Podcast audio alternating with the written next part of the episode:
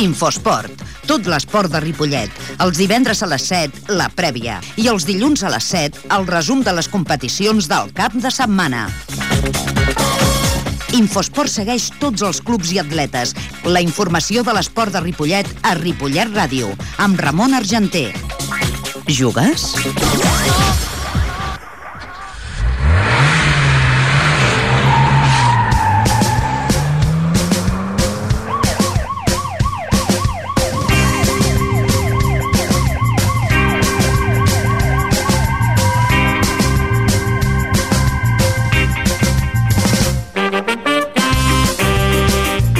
Molt bona tarda, estem a la sintonia en 1.3 de l'FM, són les 7 i 4 minuts i comencem ja a les vies de so Franyo Diu Cospala. Ramon Santent, informatiu del Infosport dels divendres.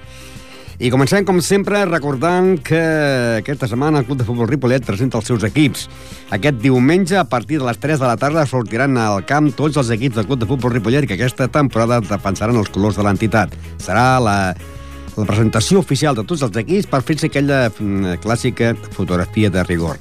Per això l'encontre entre el Ripollet i el Turó de la Peira de la categoria preferent se jugarà després de la presentació dels equips, si tot és puntual, el Ripollet. Turó de la Peira començarà a partir de dos quarts de set de la tarda. També aquesta setmana comença la Lliga pels equips femenins del Can Clos. Els dos equips femenins obriran el foc aquest dissabte, un el dissabte i l'altre el diumenge. L'equip de la primera divisió catalana en jugarà a la pista del Joventut Les Corts aquest dissabte a les 4 de la tarda i els partits a casa també els jugarà els dissabtes, però a les 5. Pel que fa al segon equip, el de la primera divisió, femenines jugaran a casa el diumenge a les 10 del matí i a fora a l'hora que marqui l'equip contrari. El Can Clos comença descansant per la retirada de l'equip del Sant Just era el rival que tenia que jugar aquest cap de setmana, el diumenge a les 10, i aquest, aquest partit no se jugarà per la retirada de l'equip del Sant Just, que el calendari no s'ha modificat, per tant, tots els equips, equips que tenien que jugar contra el Sant Just tindran jornada de descans. També comença, però amb descans, la Lliga pel Club Humboldt Ripollet. Aquesta setmana comença la Lliga de la tercera categoria, i ara sí que es pot dir que estan en marxa tots els esports de Ripollet. La Federació Catalana de Handball ha fet com la de hockey, que els grups són parts o parells, però fan que cada setmana descansin dos equips. El Club Handball Ripollet comença el campionat descansant i no jugarà a casa fins al dia 30 d'aquest mes, ja que el dissabte següent eh, jugaria, aquest dissabte que ve, jugaria a la pista del Sant Pedor. I avui divendres tindrem en directe el Club Tenista de la Ripollet, tindrem el president Roma López i Josep Cucurella, també del Club Tenista de la Ripollet. I ens recordarem també les paraules del nou eh, jugador, el nou fitxatge del Club de Futbol Ripollet, Diego Novo, el seu entrenador Jordi Muñoz, també l'entrenador de l'Escola Futbol Base Ripollet, Xesco, l'entrenador, el nou entrenador de l'Esdila, eh, Rubén Marín, i també tindrem doncs, a les eh, declaracions de l'entrenador del Club Hockey Ripollet, a Raül Ortiz. Comencem i recordem que la setmana passada doncs, el Club de Futbol Ripollet, jugant amb 10 jugadors, va empatar el, més ben dit, no va empatar el Ripollet, va empatar el Mollet, perquè el Ripollet anava guanyant per 1 a 3 i el Mollet el va empatar. Uh, empat a 3 amb dos gols de eh, Diego Novo i un en pròpia porta. La classificació l'encapçala l'Avi amb 12 punts, seguit el Mollet amb 11. Amb 3 equips tenim el Ripollet, Manresa i Premià de Dalt. Granollers 9, Figueres, eh, 9 punts, Figueres 8, Horta i Canyelles amb 7, Palau de Plegamans amb 6, amb 5 punts tenim 3 equips, Turó de la Peira, eh, Farners i Tona, amb 4 punts per la Frugell i el Caçà de la Selva, amb 3 punts el Banyoles i amb 2 punts el Gironella i el Mataró. Aquesta setmana s'enfrontarien al calendari següent, jornada número 6, Granollers, Palau, Premià de Dalt, Mollet, Àvia, Banyoles, Horta, Gironella, Figueres, Caçà, Palafrugell, Canyelles, Mataró, Manresa, Tona, Farners i el Ripollet, recordeu, no serà a les 12, ja que a partir de les 3 de la tarda hi haurà la presentació de tots els equips. El partit entre el Ripollet i el Turó de la Pera se jugarà a dos quarts de set de la tarda. Un Turó de la Peira que en aquests moments doncs, eh, ocupa la plaça número 11 amb 5 punts. Un Turó de la Peira que la setmana passada empatava a casa davant de Granollers amb un empat a 1. Anem a recordar les paraules que el nostre company eh, entrevistava el diumenge passat al camp del Mollet, on el Ripollet va aconseguir empat a 3, el nou golejador eh, que va marcar autor dels dos gols, Diego Novo. Se nos ha puesto bastante en contra por la expulsión, pero bueno, la segunda parte nos hemos concienciado, el míster nos ha apretado y hemos salido a, a comérnoslo todo y le hemos dado la vuelta al marcador muy rápido. Lástima ya los últimos minutos que, nos han empatado, pero bueno, punto, punto bueno, campo difícil que seguro que nos valdrá para la liga. ¿Y qué os dice el entrenador cuando en el minuto 30 os expulsan a uno y veis que se están comiendo los últimos 15 minutos de la primera? Nada, que sigamos igual que estamos haciendo, que, que luchemos aún más si puede ser y ya está, y así hemos hecho. ¿Te esperabas un debut así con dos goles? Hombre, yo he venido a trabajar, a ayudar al equipo y siempre van bien ¿no? los goles, pero sobre todo ayudar al equipo y, y a tirar para arriba. ¿Y qué te hace llegar al Ripollet con la temporada ya empezada desde el Ruiz? Bueno, esa ha sido ya motivos de trabajo y tal, pero bueno, Ripollet siempre ha sido un club que me ha gustado y, y aquí estoy, a darlo todo. Futbol, futbol. Doncs ho va donar tot i va aconseguir dos, dos bons gols eh, el diumenge al camp de Mollet. Diego Novo, autor dels dos gols. Com dèiem, el Ripollet és tercer a la Lliga en 10 punts i rebrà la visita del Turó de la Pera, que ocupa la plaça número 11, amb 5 punts. Anem a recordar també les paraules del seu entrenador, Jordi Muñoz, que també era amb el nostre company Miguel.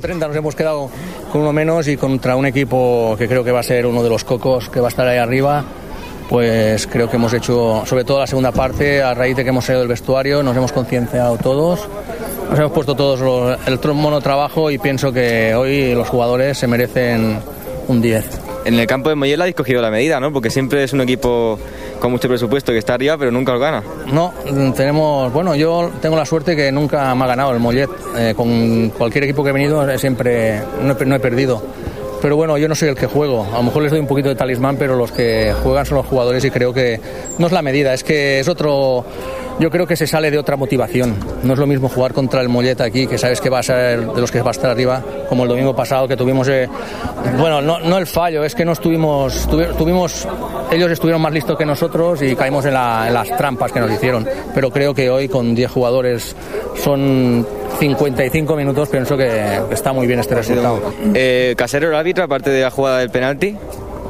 Yo, como siempre, no digo nada de los árbitros porque esto, cuando pitan, ya está pitado. El penalti, si estaba dentro del área, ha levantado el brazo, para mí es penalti. Expulsión, va, esto ya va a criterios. Si está el balón iba a gol, no iba a gol, esto ya va a criterios, supongo. Y el ambiente ya te gustaría que fuera así siempre, ¿no? Campo lleno. Hombre, sí, aquí ha habido mucha gente y a pesar de la lluvia que ha caído y pienso que sí, ojalá siempre estuviera así. Bueno, nosotros no nos podemos quejar de todas maneras, tenemos una afición que da gusto. Y la semana que viene tendrás también el campo lleno porque la presentación.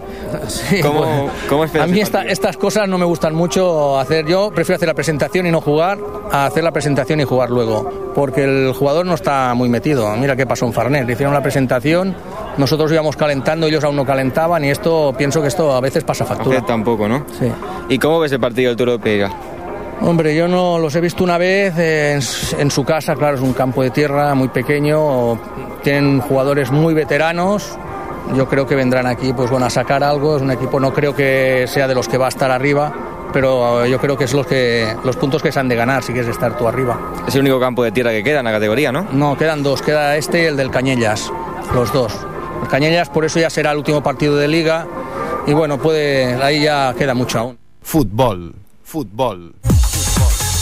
I seguim amb el futbol, en aquest cas segona categoria territorial, que ja sabeu que la setmana passada la penya portiva Pajaril va perdre el camp del líder amb la victòria del Cardedeu en la penya portiva Pajaril per 6 a 1. L'únic gol va marcar Carlos Martínez per part de la penya portiva Pajaril, doncs amb aquesta victòria el Cardedeu és el líder de la competició. Cardedeu, 13 punts, Serranyola, 12, els mateixos que el Montmeló. En 10 punts, la Torreta i Lliçà de Vall. En 9 punts, el Sabadellenca i el Bellavista. En 7 punts, el Palau Tordera. En 6 punts, diversos equips. Pitres, l'Ametlla, el Vallès, Sant Esteve i la penya partida Pajaril en el lloc número 13 amb 6 punts. Amb 5 punts el Joan Sant Joan de Montcada. En 4 el Santa Eulàlia. En 4 Vilamajor, amb 1 el Parets i tanca en el lloc número 18 el Martorelles amb 0 punts. Aquesta setmana s'enfrontarien la jornada número 6, Sabadellenca, Bellavista, Parets, Cardedeu, l'Ametlla, Santa Eulàlia, Pitres, Sant Esteve, La Torreta, Palau Tordera, Vilamajor, Montmeló, Sant Joan de Montcada, Serranyola, Vallès, Martorelles i dissabte a partir de les 6 de la tarda Penya Portiva Pajaril, Lliçà de Vall. El Lliçà de Vall, la setmana passada, empatava a casa a 3 amb el Sabadellenca. El Lliçà de Vall ocupa la plaça número 5 amb 10 punts. La penya Portia Pagril, que perdia per 6 a 1, ocupa la plaça número 13 amb 6 punts. Aquest dissabte, a partir de les 6 de la tarda, penya Portia Pagril, Lliçà de Vall. I seguim amb més futbol, perquè la tercera categoria territorial va començar la Lliga la setmana passada amb la victòria de l'equip del Can Colapi, que va guanyar 3 a 5 en l'Estil, a la seva presentació, i que la Farga va empatar a 4 amb l'escola futbol, eh, futbol base de Ripollet. Els dos gols, eh, els gols del, del, del equip de l'escola. Costa molt ja canviar de nom, perquè fins ara era Mate Foot i ara aquest equip ha, ha passat a ser Escola de Futbol Base de Ripollet. Però la mania de dir sempre encara de fut, ens costarà rectificar, no? Va marcar dos eh, Jordi Puy, un, un gol, Diego dos i David un. Líder, la Marina, eh, estem parlant de la primera jornada, amb 3 punts, on hi ha bastants líders. El Marina, la Penya del Barona Sant Cugat, el Can Colapi, el Mirasol, el Badia del Vallès i la Planada. Amb un punt, l'Escola Futbol Base de Ripollet i la Farga. I amb 0 punts, el Júnior, la Fundació, el Nou Vallès, el Roreda, l'Esdila i, i la Unió en Salut. Aquesta setmana, doncs, eh, l'equip de l'Escola de Futbol Base de Ripollet té que jugar, eh, tenia que jugar a casa contra el Marina, però aquest partit s'ha canviat i amb motiu de la presentació del Marina, doncs eh, aquest partit se jugarà el diumenge, però a les 7 de la tarda. Marina, eh, Escola de Futbol Sala Ripollet, ai, Futbol Base Ripollet. Anem recordar les paraules del seu entrenador Xesco, que ens parlava d'aquesta fusió que ha fet el Marina i per què jugaran el, aquest diumenge a les 7. Es que se han fusionado la Marina con el Mercantil, que incluso en el Sport salió anunciado, y entonces se inauguran el campo y delante de nuestro de nuestro partido juegan el juvenil del mercantil contra el juvenil del español y cuando finaliza ese partido jugamos nosotros contra el, el amateur de tercera regional de la Marina. Sería sobre las 12 de la mañana, ¿no? Del domingo. No, no, jugamos a las 7 y la media de la tarde, claro, porque es la presentación también de... de... Sí, sí, esa es la presentación del fútbol base mercantil y el último partido es el tercera regional del de la Marina, cuando acaba el juvenil de, de División de Honor, que juega contra el español del mercantil. Y luego ya el siguiente partido será otra vez fuera, por lo tanto que la gente tardará pues casi casi un mes sin Sí, todavía tardan casa. 15, 15 días en vernos en casa, pero luego jugamos dos partidos, por capítulo del calendario jugamos dos partidos seguidos en casa. Y por lo tanto yo creo que con el empate este, pues también iréis con mucha moral ese domingo a- al Sí, pero ¿no? bueno, la Marina es un hueso este año, ¿eh? ¿Sí? Según me han informado, sí. Sí. Al haberse fusionado, no sé si es que y al, y al ser un campo nuevo, que siempre van jugadores que van, quieren jugar en el campo nuevo, a probar, y con el nombre de Marina Mercantil y tal, se ve que han, han hecho un tercera regional bastante apañado, ¿eh? De hecho, esta semana han ganado 5-1 Sí, sí, 5 no a la Unión Salud Sabadell. a la Unión Salud Sabadell. Y estuvimos viendo y, bueno, tiene un equipo complicado, ¿eh? No va a ser fácil. Bueno, yo creo que lleno de moral conseguiría los tres puntos. Sí, hombre, la moral toda la tenemos y, y si conseguimos en estos tres partidos que tenemos fuera, conseguimos, por decirte algo, seis puntos, pues sería un balance súper positivo. Tres partidos seguidos fuera, te plantas con seis o siete puntos y luego te vienen dos seguidos en casa, sería un buen arranque, ¿no? Una buena, un buen arranque liguero, pero hay que ir partido a partido y los demás también juegan y ya veremos a ver qué pasa. Futbol. Futbol. I també en el mateix grup doncs, hi ha l'equip de l'Esdila que la presentació el dissabte passat a les 4 va perdre davant del Can Colavi de Terrassa per 3 a 5 en un bon partit on es va marcar 8 gols. Els gols de l'Esdila els va marcar dos Alberto i un Robert i que aquesta setmana el Esdila juga al camp del júnior. Un júnior que aquesta setmana va perdre al camp de la Planada per 4-3 un júnior que ocupa la plaça número 9 amb 0 punts, els mateixos que eh, l'Esdila, que té 13 punts, ocupa la, o sigui, en el lloc número 13 amb 0 punts. Anem a recordar també les paraules del seu nou entrenador, eh, Rubén Marín, que li preguntàvem doncs, que jugava contra l'equip del júnior i que aquest equip doncs, és un equip eh, bastant difícil. hay que ver que también es un club que no na- bueno pues dispone de más recursos que nosotros económicos y bueno eso se nota a la hora de competir en un equipo pero bueno se hará lo que se pueda De todas maneras, yo creo que al marcar esos tres goles frente a Cancolapi, esto también dio mucha moral al, al equipo, ¿no? A los jugadores. a ver eh, la, la base del partido fue el, el empezar la segunda parte dar un palo y en la siguiente jugada marcarnos el, el 2 Sí. el 2-5 en un gol de córner directo con mala fortuna por nuestro portero y bueno ahí nos vinimos abajo y cuando empezamos ya a levantar pues fue demasiado tarde Porque en la primera parte eh, pudisteis marcar más goles. Yo creo que la, me- la la- cuando terminamos la media parte con un 2-3 en contra que nos marcaron en el último minuto, en el, en el 45, yo creo que eso fue un golpe de moral malo porque en, en ningún momento pusimos, pudimos ponernos por delante y jugar a lo que nosotros creemos que podemos jugar este año. Siempre fuimos en contrarremolque. Eh, yo tenía aquí en la plantilla 18 jugadores, pero sois más, ¿no? Sí, 18 jugadores porque son no puedes llevar más. O sea, Ya, este pero me año, refiero que la plantilla es amplia, ¿no? Pues sí, tenemos cerca de 30 jugadores. ¿Para el próximo partido frente al Junior harás algún cambio o no? Algún, pues, pues yo te puedo decir que a lo mejor del 11 inicial podrían incluso haber 8 o 9 nuevos. Esto es bueno, ¿no? Tener tanta plantilla. Bueno, bueno y malo. Primero porque los jugadores no terminan de de encontrarse, porque no saben si estarán, si no estarán, entonces también crea dudas. O sea, crea, en una parte es bueno porque ellos se esfuerzan más, eh, aportan más al equipo, tienen garra por quedarse, pero por otra parte, pues la desilusión de cuando llega el sábado quedarte fuera. Y contra el Junior, eh, si no tengo nada diferente, eh, se juega el domingo por la tarde, ¿no? A las El 4 de la domingo a las 4 de la tarde, sí. También es mala hora. Eh, te va a reventar, después de comer, ¿no? Después de comer un domingo, la gente normal, hay gente joven, son chicos, salen salen de fiesta. El domingo normalmente lo tienen siempre de, pues para descansar y bueno, yo creo que nos costará meternos en el partido. ¿Qué les dirás antes del partido a- para jugar contra el Junior? Pues vamos a ver, eh, es lo que te comento. Yo la plantilla creo que la cerraré en dos, tres semanas. O sea que es, vamos a ir, mm, yo hablo muy claro con ellos, siempre voy a dar de cara y yo le diré que, bueno, que quien venga con ganas y enfrentarse bien, el que venga a arrastrarse por el campo porque ha pasado el asado de juerga, pues, pues que le deje la oportunidad a otro compañero que venga con más ganas. Eh, Rubén Marín, ¿de dónde vienes? Bueno, yo soy, vi- vivo en Gabá y trabajo en la federación hace 10 años, está la sub-15 catalana, el año pasado estuve en el Cerro Reyes de segunda B, haciendo, echando una mano por allí y bueno, he tenido, llevo 8 años dedicándome a esto y este año pues me requirieron mi, mi ayuda a este equipo y vamos a hacer lo que pues, se pueda para, para crear escuela. Futbol sala. Futbol sala.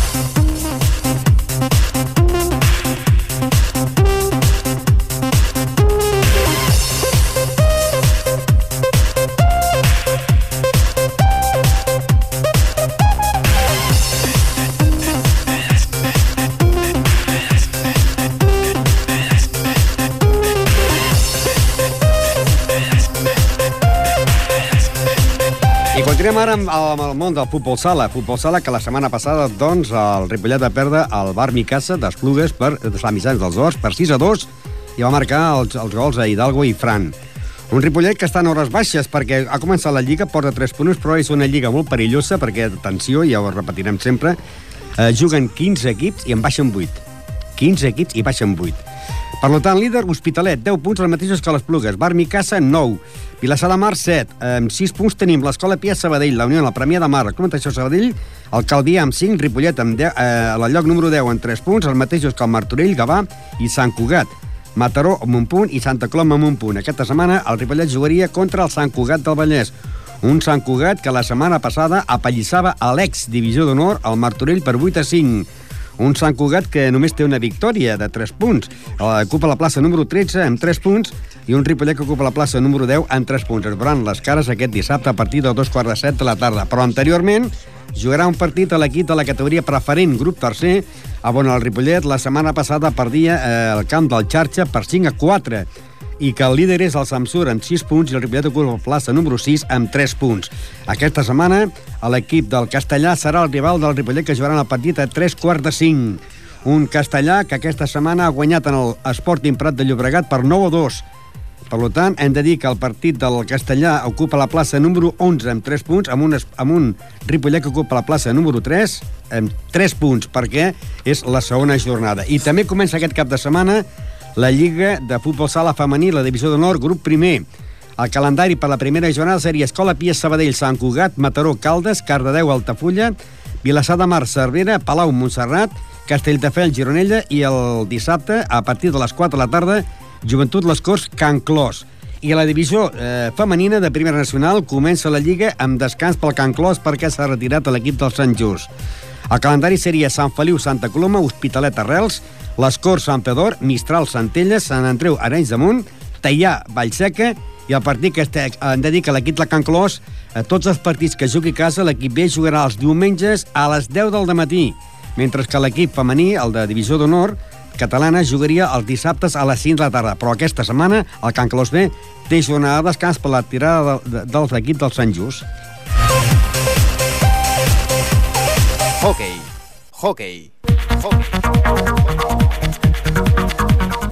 I anem a recordar, doncs, també que aquest cap de setmana ja se juga l'altra jornada, la jornada número 4 del món del hockey, després de que la setmana passada el Ripollet guanyés el camp de la pista Albertino per 2 a 10.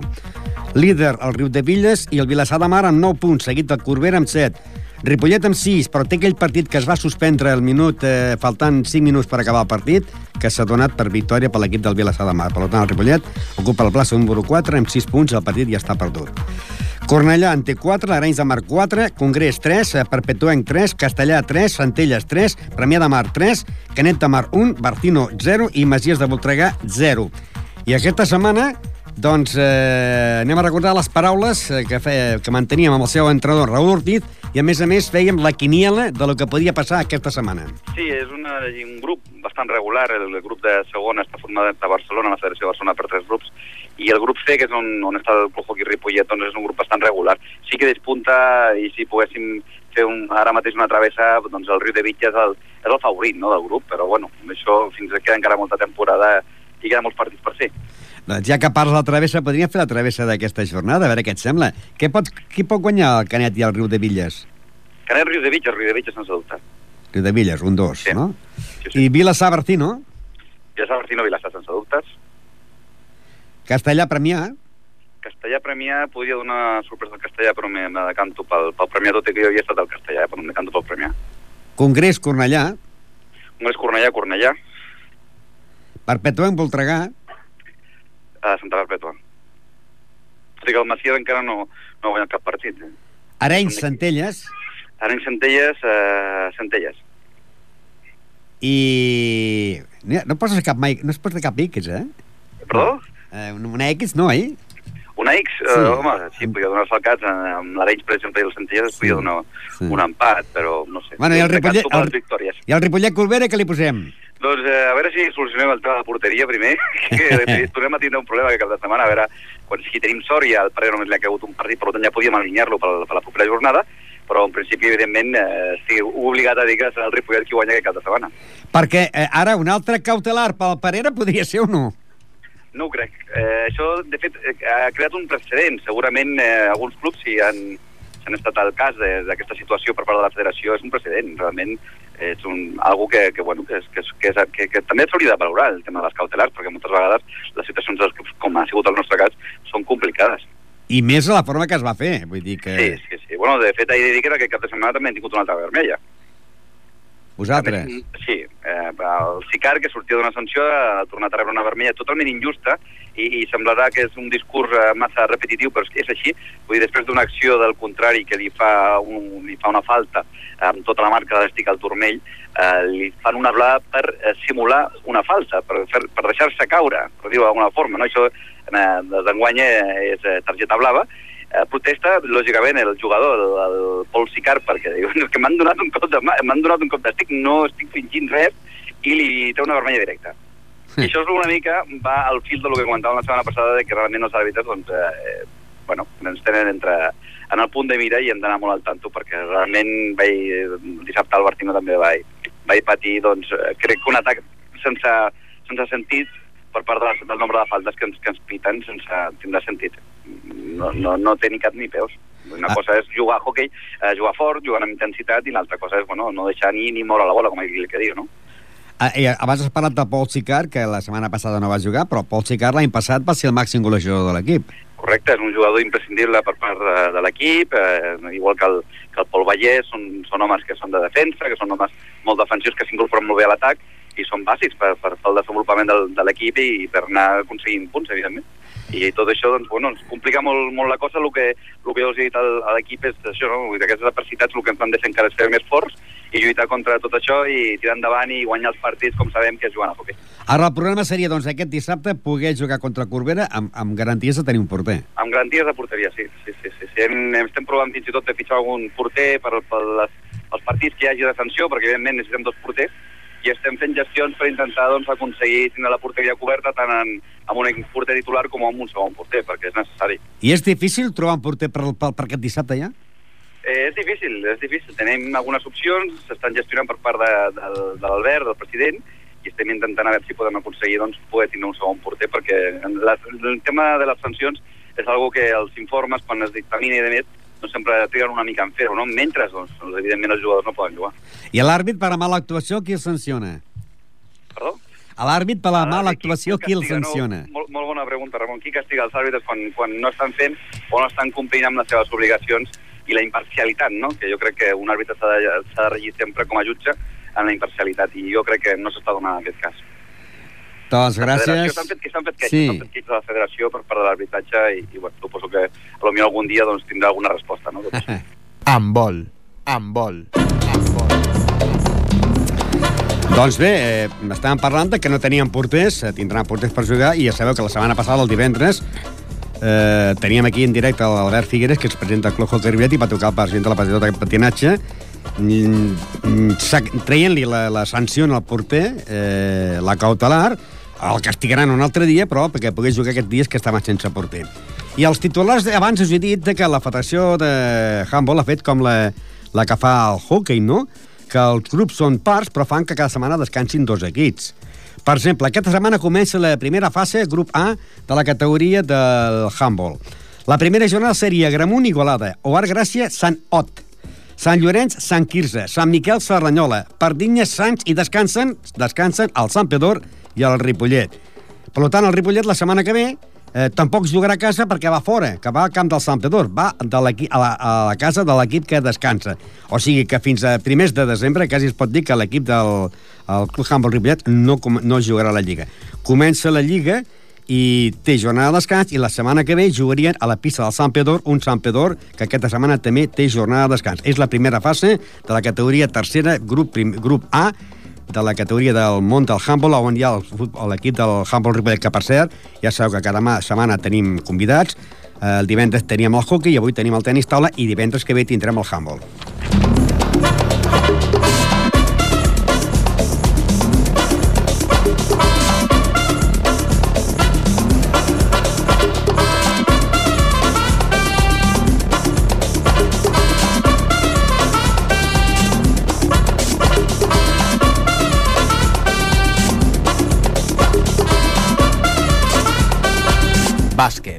Bàsquet.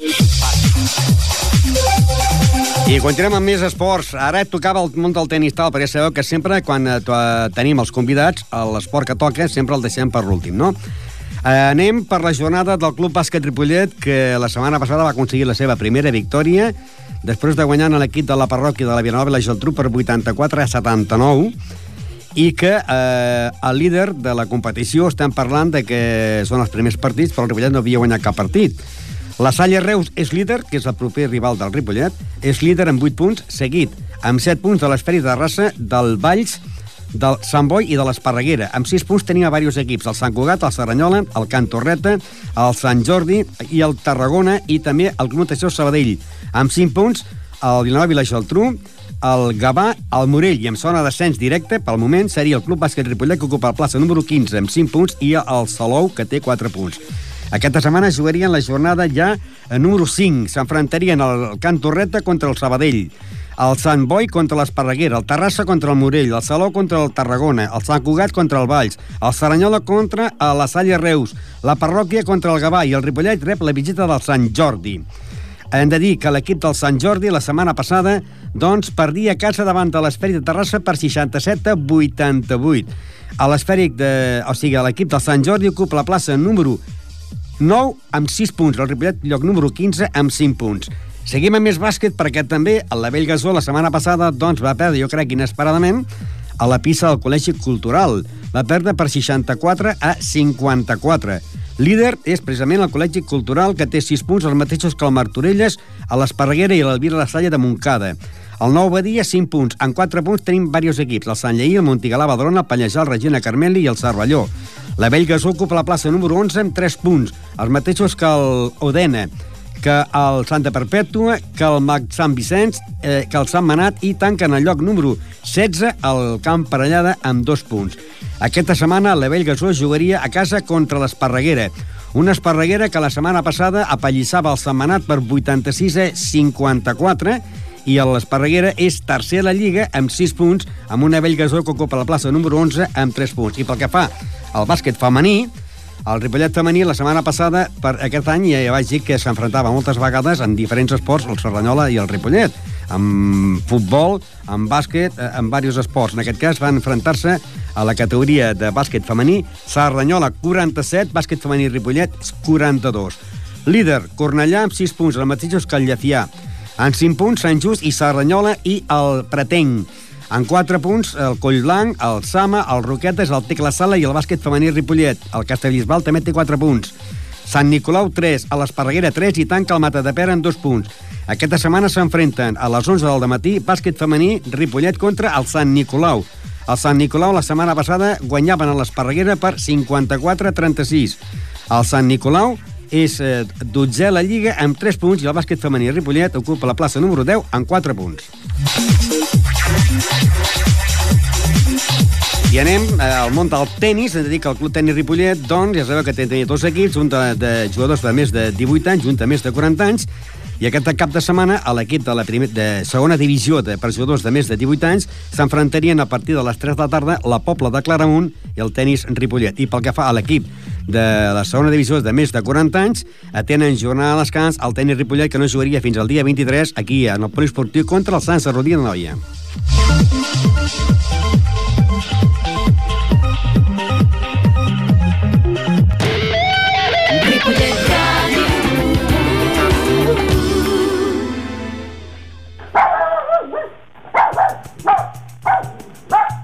El qui s'ho diu que tots els dimarts de 5 a 6 de la tarda el pots escoltar a Peluts, l'espai de Ripollet Ràdio que dona veu als animals abandonats. Ja ho dic, Quisso, ja ho dic, al 91.3 de la FM i online des del web ripollet.cat. Peluts, un programa de la protectora Spam. El sonido desde los 80 tiene un sitio cada lunes en la 91.3 de la FM. Desde las 6 a las 7 de la tarde viajaremos en el tiempo. Los éxitos más importantes en el gramófono. ¿Te apuntas los lunes de 6 a 7 de la tarde? Soy Paco Soriano. Magdalenas con alioli. No, Mar, fatal, no. Berberechos con colacao. Que no, hombre, que no, berberecho con colacao. Altramuces con nocilla. Que no, señor, tramuces no. Café con sal. Que no, que no. Ah, sí, café con sal, café con sal, eso, eso. Todos los miércoles en riguroso directo de 8 de la tarde a 10 de la noche. Escucha el programa menos serio de Ripollet Radio. Uy, perdón. ¿Y eso? Que repite. Es verdad, amigos, los sábados repetición del programa de 12 del mediodía a 2 de la tarde en la 91.3 FM. No, si yo decía las magdalenas con alioli. Eres tontísimo, Dios mío. De lo más tonto que he visto.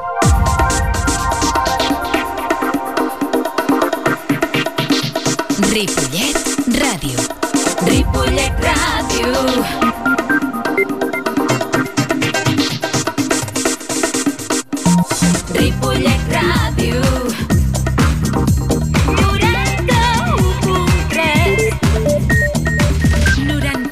91.3 91.3 Tenis taula, tenis taula. I ara és l'hora doncs, de començar amb el món del tenis taula. I tenim aquí els dos eh, presidents, vicepresident i president. Romà López, bona tarda. Bona tarda. Josep Corella, bona tarda. Què tal? Molt bé, bona tarda. I farem, farem un repàs de, de tal com està la Lliga, dels equips de Lliga Nacional, que va començar la Lliga, doncs, eh, estem ja avui, seria, aquesta setmana seria la segona jornada. La primera jornada, el Finca Ripollet va fer un bon paper guanyant a la, la d'Astúries per 4-3. Varen puntuar amb Miquel Chirita en dos punts, a Cristina Vicamunt i el partit de dobles, a Berta López i Miquel Chirita. Amb una categoria on hi ha el Caja Astúries, crec que és de León, Sí, si no recordo sí, malament. Cas- Casa Astúries. Eh, Casa Astúries de León, el fa contra Sabadell, el Finca Ripollet, això és l'ordre de classificació, els tres partits que han jugat, dos punts. Atlético San Sebastián del País Basc, Artel de Santiago de Compostela, el Bàscara de Girona, el Santa Eulària d'Eivissa, el Calella, l'Helios de Saragossa i l'Avilés d'Astúries. És la Lliga Nacional de la mm, Divisió d'Honor. Les noies també eh, començat la Lliga, el que passa que, eh, com que el calendari es fa per competicions, hi ha vegades que o jugues tres partits seguits i, o, o descanses dues jornades, no? Eh, per l'ordre de classificació és Bàscara primer en dos punts, eh, Caçà de la Selva dos punts, Balaguer dos punts, Finca Ripollet zero punts perquè va descansar, el CAI Santiago de Saragossa, l'Escul de Saragossa, el Calella i l'Ateneu de Sant Joan d'Espí. Són els equips que aquest any militaran i hem de dir que eh, a l'equip femení, per Meritxell Ferret, eh, Júlia López, Ana Ibáñez i Laura Chirida, no? Correcte? Correcte. Què s'espera d'aquestes dos equips de, de, dels femenins? Suposo que aguantar la categoria, no? A veure, efectivament, eh, ja sabeu que econòmicament doncs el club eh, mm, diguem-ne que, que té una situació, una situació delicada que s'agreuja evidentment amb la situació general de crisi i aleshores el que hem decidit és mantenir els equips, aquest és l'objectiu amb els jugadors, bueno, en aquest cas amb les jugadores de, de casa que tenim des de fa diversos anys el que fumut és, eh, que, que se'n cuida de fer els viatges o preparar els viatges, el senyor Isaac Corella, els desplaçaments que ha de fer l'equip, que a vegades s'han de treure per poder eh, guanyar econòmicament o que no pagar tant de bitllet amb, amb, amb molt temps d'anticipació, no? Sí, eh, tenint en compte les tarifes de les companyies aèries, ja que algun desplaçament s'ha de fer amb avió, mm, he sabut que com amb més antelació es compren els bitllets, una mica més econòmic surt. Eh, fem tota la previsió de tota la temporada, pràcticament tenim ja tots els bitllets adquirits, tenim tots els desplaçaments previstos, eh, justament per això, per evitar tant com podem eh, l'import dels bitllets. L'únic problema que hi ha, que sembla que va passar l'any passat, és que si els, els són nominatius, els viatges, no? si es va Sí, avió, correcte. si hi ha un jugador que està lesionat, no es pot fer el canvi, o s'ha de canviar un bitllet. Uh, Aquest és el problema, no? És un problema, és un problema perquè els bitllets són nominals. Eh, quan compres el bitllet mm, has de donar el nom dels jugadors que han d'anar-hi i, és clar com que es fa amb un temps eh, bastant llarg en algunes ocasions, hem comprat bitllets pel març, vol dir que hi ha una mica de risc que si hi ha alguna lesió, algun encostipat, eh, en fi, qualsevol cosa d'aquest tipus tenim un petit problema, ja que no es pot canviar de nom per eh, normativa de les companyies aèries. No tindria que ser així, no? Perquè si entens, diu, mira, que aquest jugador pues, s'ha trencat el peu, no pot jugar, ha d'anar un, títol, un, altre, un altre jugador. Mm, Des d'un punt de vista, diríem, de club esportiu, no només de tenis taula, sinó de, de qualsevol esport en general, és evident que és un hàndicap important pels clubs i, i com més petits som els clubs, eh, menys possibilitats econòmiques, eh, esclar, Més problemes, més, més problemes eh, o com a mínim més risc. Més risc de que, que si se'ns dona un cas d'aquests doncs no tenim més remei de comprar un altre bitllet i a preu de mercat del moment. Que l'any passat ens va passar, em sembla que va ser amb Àngel Carriona i eh, que va haver de jugar lesionat amb el braç, no sé si enguixat, que l'havien operat. Eh, Bé, eh, mm, es va poder canviar amb, amb, el, clar. Amb el Lluís, no? Sí. Amb el Lluís Soler, sí. Lluís Soler. Uh, sí, es va fer, no sé si exactament era un, una fractura o un, o un esguins a la mà, però sí, sí, va tindre de jugar amb la mà una miqueta enguixada. Anem a parlar també dels primers, del primer equip de Lliga Nacional, un equip que va començar amb victòria... Eh... Ah, abans de tot dir, dir, que ja ho vam dir l'altre dia, que a l'equip femení eh, juguen al hall, no, hall, ja no juguen al hall de pavelló, sinó que juguen al solàrium on el gimnàs del poliesportiu. El canvi com ha anat? Bé, eh, sabeu també, per als que heu vingut alguna vegada a veure el tenis taula de divisió d'honor al hall del pavelló, que per la saturació que hi ha de les instal·lacions, pel nombrós eh, no, nombre, valgui la redundància, d'equips que hi ha a Ripollet, doncs la veritat és que havíem de compartir, si més no, una estona bastant llarga el hall del pavelló mentre jugava al futbol sala. Sí. Aleshores, el futbol sala té una assistència molt gran de persones i, i clar, la veritat és que no és que el nostre esport no puguis ni parlar, que és el que de vegades diu la gent, però sí que és veritat que eh, passant la gent per allà al mig eh, com si fos la Rambla, doncs la veritat que, que molestava. Va agrair silenci el mateix que el tennis. Vull dir que... Vam parlar, vam parlar amb l'Ajuntament d'aquest problema. Eh, la veritat és que allà sí que tenim més visibilitat en el, en el pavelló, però les dificultats eren moltes. I bé, vam estar mirant el gimnàs Solarium per veure com estava. S'han tingut que fer unes adaptacions que l'Ajuntament les ha portat a terme doncs, d'una manera doncs, molt, amb molta voluntat i amb molt d'interès, eh, sobretot relacionades amb la llum perquè hi ha d'haver un mínim de llum per jugar. I vam estrenar-ho fa dues setmanes contra l'Avilés i la veritat és que la comoditat de tenir ja el terra posat, la comoditat d'estar al costat del club per, per tenir tot el material preparat i, i, i, bueno, i, i jugar com a casa, com qui diu, no, no desplaçar-te, pues la veritat és que va ser una experiència bona i bueno, pues, eh, tenim ara un nou local que estem molt contents de tenir-lo. Perquè a part d'això, de, del Xivarri, el, eh, també podia ser que algun equip impugnés algun partit que jugués en el hall, pel, pel, pel soroll que hi havia, no? Sí, és que eh, en algunes ocasions que el partit de futbol sala doncs, era de rivalitat, hem tingut que esperar pues, pràcticament mitja hora. Clar, que llavors és, és treure tot el que s'ha muntat per baixar-ho baix, que a vegades si estan jugant a handball, doncs t'has d'esperar que acabi el partit de handball. Sí, és un, és un petit inconvenient afegit a l'haver de, de muntar i desmuntar doncs, amb un temps rècord, perquè després dels nostres partits hi havia una altra activitat al hall Uh, I, és clar Hi ha ball, a més a més, hi ha ball en Sí, sí, justament, i s'havia de desembrassar doncs, l'espai ràpidament. En quant al soroll, més que potser impugnar, el que sí hi havia el problema és que el propi àrbit parés a la competició per falta de concentració i per falta de, de l'ambient necessari per disputar un partit de, de tennis taula. I a vegades, clar, eh, els equips que venen, que venen de fora, eh, esperen acabar el partit per agafar l'avió i tornar a marxar cap al seu... Sí, sí. seu- Lògicament, sí. no? No es pot retrasar. Anem a l'equip de la primera divisió, que va començar, doncs, la Lliga Nacional. Aquell equip que l'any passat va quedar campió. Només va perdre un partit per 5 a 4, crec que va ser contra l'Esparreguera, els van guanyar tots, van renunciar a fer la fase de, de, per fer l'ascens, i aquest any comencen amb bon peu, perquè han començat jugant i guanyant en el Sallent per 4-2, amb un equip que doncs hi han dos equips de Palma de Mallorca, eh, per ordre d'intervenció, podríem dir, quan si estiguéssim parlant del teatre. El Palma de Mallorca és líder amb dos punts, l'Olot és segon amb dos punts, Ripollet és tercer amb dos punts, l'Igualada és quart amb dos punts, i en zero punts el Sallent, el Sant Cugat de Vilanova i el Sa Pobla de Mallorca. Un Ripollet que tenim a Miquel Arnau, que va fer els dos punts, i Freddy Fajula, els dos punts. A més a més tenim l'Àngel Carrion i Lluís Soler, que estan amb aquest equip.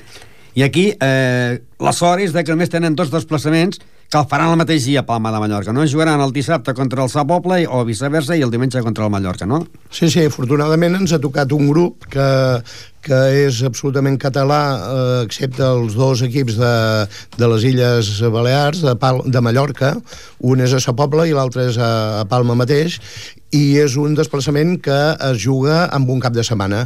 El dissabte juga un partit i el diumenge juga el següent. Amb la qual és veritat que hem de passar una nit a, a Palma, però ens estolviem un, doble, Un desplaçament de tres persones doble. I aquesta setmana eh, hi ha Lliga. A la divisió d'honor femenina seria diumenge a les 11, si no s'ha canviat l'horari, Falcons de Sabadell, Finca Ripollet. El Finca Ripollet de la primera nacional femenina té jornada de descans i el diumenge a les 11, en el Col·legi de Montserrat, de l'Escola de Montserrat de Serranyola, en el gimnàs, primera nacional nacional, Ripollet Verdolai contra el Sant Cugat del Vallès. Sí. Uh, bé, aquesta...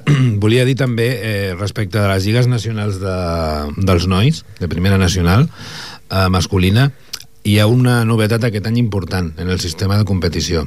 Aquest any la primera fase és més curta, són grups de 8, eh, Sí. de 8 equips, i els quatre primers van directament a fase d'ascens i els quatre últims eh, van a fase de descens. Eh, has comentat abans que l'any passat vam renunciar a la fase d'ascens. Aquest any no podem renunciar a aquesta segona fase, perquè forma part de la Lliga. Aleshores, Clar. bueno, sí que ja anirem, evidentment, a guanyar com sempre, potser quedem primers i després també hem de renunciar. Però la novetat és aquesta, que és més curt i hi ha una segona fase que es fa per concentració a un toqui, ¿vale? i aleshores doncs, eh, bueno, eh, a veure si les coses van com esperem perquè aquest equip recordem que és un equip de divisió d'honor vull dir, està jugant a primera per les circumstàncies però mm, jo diria que Per aguantar la categoria divisió d'honor, eh, l'equip que té el Ripollet, l'aguantaria la divisió d'honor? jo, jo crec que, home, per aguantar la divisió d'honor potser patirien, però jo crec, jo crec re, realment que, que es mereixen jugar allà, perquè ja van veure que l'any passat van perdre un partit. Sí, i, i en general jo crec que, que lluitant molt contra, contra els rivals, però jo crec que podrien aguantar la divisió d'honor mm, clarament, vull dir, eh, defensant molt, però, però tenen possibilitats de jugar a divisió d'honor. I ara, novetats, eh, una part l'han feta, la segona part. Novetats importants mm, per l'escola del tenis taula de Ripollet? Sí, aquest any eh, la veritat és que estan donant fruits eh, les activitats que estem fent eh, en, en, totes les, eh, en tots els actes que es fan a, a, aquí a Ripollet, al poble, no? El Sant Jordi, la Festa Major, la gincana que van fer. Ens hem trobat que ara al tornar del setembre se'ns han apuntat molts nens i a més a més això està molt bé perquè lliga molt amb el programa Generació 2000 promogut per la Federació Catalana de Tenis Taula eh, que el que fa és cercar jugadors entre 7 i 9 anys. El Club Tenis Taula Ripollet s'ha afegit a aquest programa amb la intenció de que a tota Catalunya hi hagi eh, un increment de, de fitxes notable en aquest, en aquest tram d'edat i la veritat és que s'estan ja obtenint resultats a nivell global perquè compta que van passar de 24 fitxes l'any passat a 130 aquest any de nens entre, i nenes entre 7 i 9 anys. En el club en tenim ara mateix 11, que és una xifra, mm, pot semblar petita, però pel tenis taula, mm, déu nhi Conteu que només hi poden haver dos jugadors per taula, eh, quatre per entrenar. Aleshores, eh, tenir 11 jugadors menors de 9 anys eh, i dos o tres entre 10 i 12 és la veritat eh, una satisfacció i convidem des d'aquí a tots els nens que els hi pugui agradar el tenis taula entre 7 i 9 anys que vinguin perquè el que oferim també són unes sessions gratuïtes d'entrenament eh, durant un mes sense cap compromís perquè ho provin i en funció de si els hi agrada o no, pues després continuen al club. Per exemple, si un pare de família està escoltant eh, aquest programa, que hi ha molta gent que l'escolta, i volgués doncs, portar el nen o la nena a l'escola per començar, allò que no juga mai a pipo, què hauria de fer i, i què hauria de pagar? Què li costaria? Bé, tal com ha dit el Romà, eh, té un mes de prova, on hi ha un entrenador que li ensenya els primers passos, els primers moviments, a tornar pilotes, en fi, eh, tal com s'aprèn en qualsevol esport, no? És des de la, des de la base. Eh, durant un mes això és absolutament gratuït. No hi ha cap cost per part seva. Eh, el nen veu si li agrada, veu si s'aficiona, el pare i l'entrenador doncs, eh, valora les aptituds, encara que les aptituds a aquesta edat és una capsa tancada, que pot ser un nen que, que no tingui massa habilitat, però eh, a partir d'una mica d'entrenament i una mica d'anar tocant pilotes, vull dir, de, es, es desenganxen, diríem, i són bons jugadors, i a partir d'aquest mes la família, lògicament, eh, decideix si, si val la pena continuar o no, si el nen té ganes de continuar i llavors s'ofereix eh, tot el sistema de formació que tenim a l'escola des de fa molts anys que va funcionant.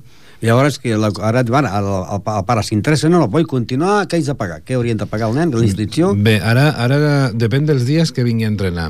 Nosaltres, si parles amb qualsevol dels entrenadors que tenim, el que et diran és que mm, per aprendre, per començar a aprendre bé, des del principi, eh, mínim són 3 dies. Hi ha gent que per lo que sigui, perquè encara fa un altre esport perquè no s'ha decidit pel tenis taula, perquè no té més temps, perquè el pare no els pot portar, doncs fan dos dies. Aleshores, eh, si venen dos dies a entrenar, són eh, 30 euros. I si venen 3 o més dies, pot venir 5 dies a la setmana si vol el nen entrenar, aleshores eh, són 40 euros al mes. I després es paga la quota de soci que es paga a tots els clubs, que és una vegada a l'any, que són 60 euros. Aleshores, eh, bueno, és important, és, és important que, que la gent sàpiga que depèn molt de l'actitud i de, i de la, la, la vinculació i el compromís que vulgui a, a agafar el nen. Sí que és veritat que és un esport que tècnicament costa molt començar-ho i tampoc és bo eh, apretar i, escolta, en 4 o 5 dies, no. Generalment proven dos dies i els que ja s'hi enganxen i volen aprendre més, pues, normalment venen 3 o 4. I llavors, eh, la tercera part podria dir que avui hi ha una festa important, no? Avui tenim una festa realment important eh, pel nostre club eh, per dos motius, diríem, bàsics. Un és la presentació de tots els equips, alguna presentació post començar, una, una jornadeta ja s'ha disputat, la presentació, dic, de, de tots els equips, de tots els jugadors, i la segona part molt important per nosaltres, per lo que significa i el que ha significat pel club, és eh, un homenatge a l'anterior president, que ha estat molts anys, ha fet molts esforços, ha ajudat molt, com, com ho ha fet l'anterior, com ho ha fet tothom, i li volem, li volem fer un, una despedida tal com es mereix hi haurà eh, autoritats, no? Sí, ha confirmat eh, la seva presència el president de la Federació Catalana de Tenis Taula, Jordi Prat, el Jordi Prat, el senyor Peñarando, el regidor d'Esports de Ripollet, i també l'alcalde de Ripollet, el senyor Parralejo. Uh, Joan va, de, va deixar el club, diguéssim, uh, treballarà pel club, però passa que no pot estar, podríem dir, en, en, en la llista com a directiu, perquè entrarà a la Federació Catalana. Bé, mm, s'ha obert un període electoral a la Federació Catalana de Tenis Taula.